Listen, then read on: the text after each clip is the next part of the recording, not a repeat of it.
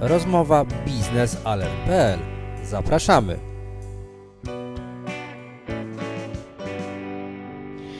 Spotykamy się tuż po zakończeniu konferencji Polska Polityka Wschodnia 2019.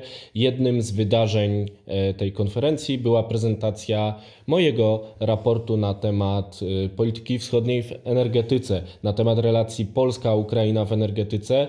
E, dyskutowaliśmy z doktorem Pawłem Kowalem i uczestnikami tej konferencji na temat potencjału tej współpracy Postawiłem tezę, że w sektorze gazowym taką współpracę można by rozwijać w ramach układu Polska, e, Ukraina, USA na dostawy gazu skroplonego. Pawle, z punktu widzenia polityki e, energetycznej, z punktu widzenia polityki wschodniej Rzeczpospolitej, e, jaki tutaj mamy potencjał? No tam jest, tam, tam inna sprawa jest najciekawsza, czyli z jednej strony podczas tej konferencji kilka razy wracała sprawa tego memorandum z lata polsko-ukraińsko-amerykańskiego, które wydaje się być takim super strategicznym posunięciem polskiego rządu i oczywiście należy, go, należy polski rząd za to pochwalić, ale w, i to szczególnie wybrzmiało w naszej dyskusji o kwestiach energetycznych, ale powiedzmy szczerze, że z drugiej strony jak gdyby w tych dyskusjach, które dotyczyły geopolityki e, było widać, że załamanie się reputacji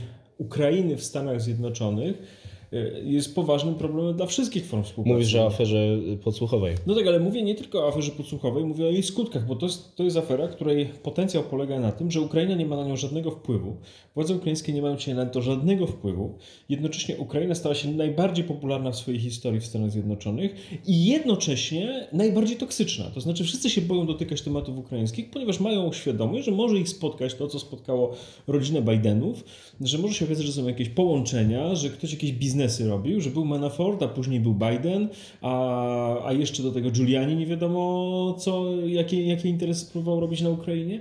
Czyli krótko mówiąc, Ukraina stała się toksyczna i pytanie, czy w tych warunkach czy to się przełoży jakoś na decyzje biznesowe? To jest bardziej pytanie do Ciebie niż do mnie tak naprawdę. Ale chciałem Ciebie zapytać o spojrzenie właśnie z punktu widzenia teorii stosunków międzynarodowych. Amerykanie właśnie w tej geopolityce, czy może w polityce zagranicznej E, między tymi wielkimi potęgami jak USA czy Rosja. E, Amerykanie dążyli w tej polityce zwykle do ograniczenia wpływów rosyjskich w Europie Środkowo-Wschodniej. Czy z tego punktu widzenia moglibyśmy liczyć jednak na kontynuację zaangażowania na Ukrainie właśnie za pośrednictwem LNG i Polski?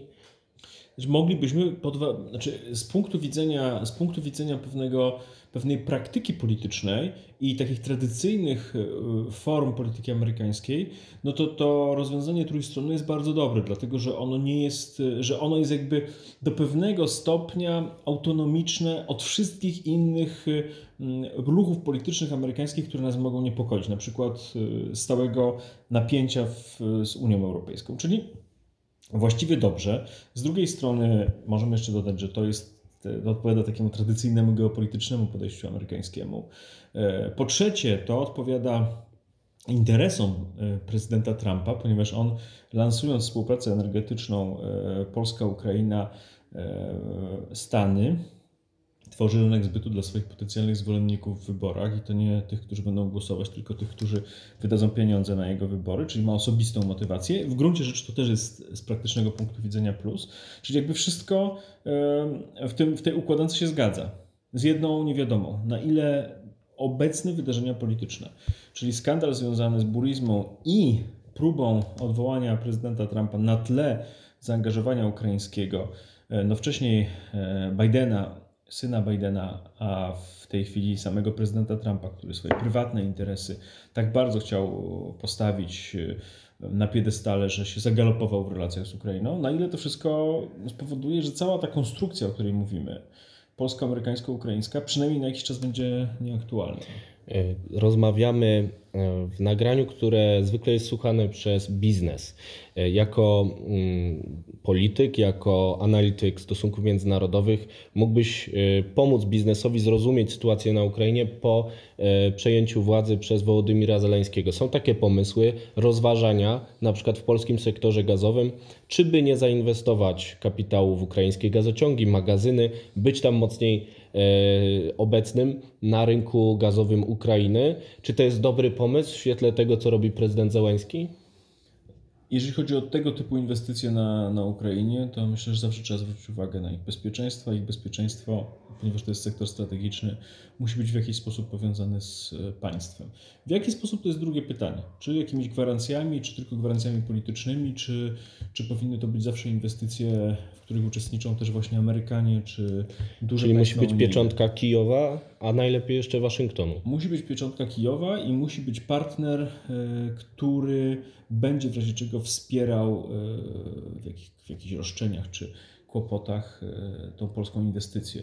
Tym partnerem mogą być albo Amerykanie, albo duże państwa unijne. Niemcy? To mogą być Niemcy na przykład, które bardzo są zaangażowane obecnie na Ukrainie, mają dość mocną pozycję, e, mają reputację takiego twardego, ale zaangażowanego partnera w różnych dziedzinach, nie tylko w energetyce, także w sektorze rolnym na przykład, w różnych sektorach. I ja zawsze uważałem, że dobre, duże inwestycje, szczególnie w sektorach strategicznych, powinny być brane pod uwagę wyłącznie z e, poważną gwarancją e, państwa lub gwarancją zbudowaną w oparciu o solidnych zachodnich partnerów. E, Dziękuję Ci bardzo. Myślę, że będziemy śledzić ten temat w kolejnych konferencjach Polska Polityka Wschodnia oraz Business Alert, który był patronem e, tego wydarzenia. Rozmawiali dr Paweł Kowal, któremu bardzo. bardzo dziękuję i Wojciech Jakubik, redaktor naczelny portalu biznesalert.pl. Do usłyszenia.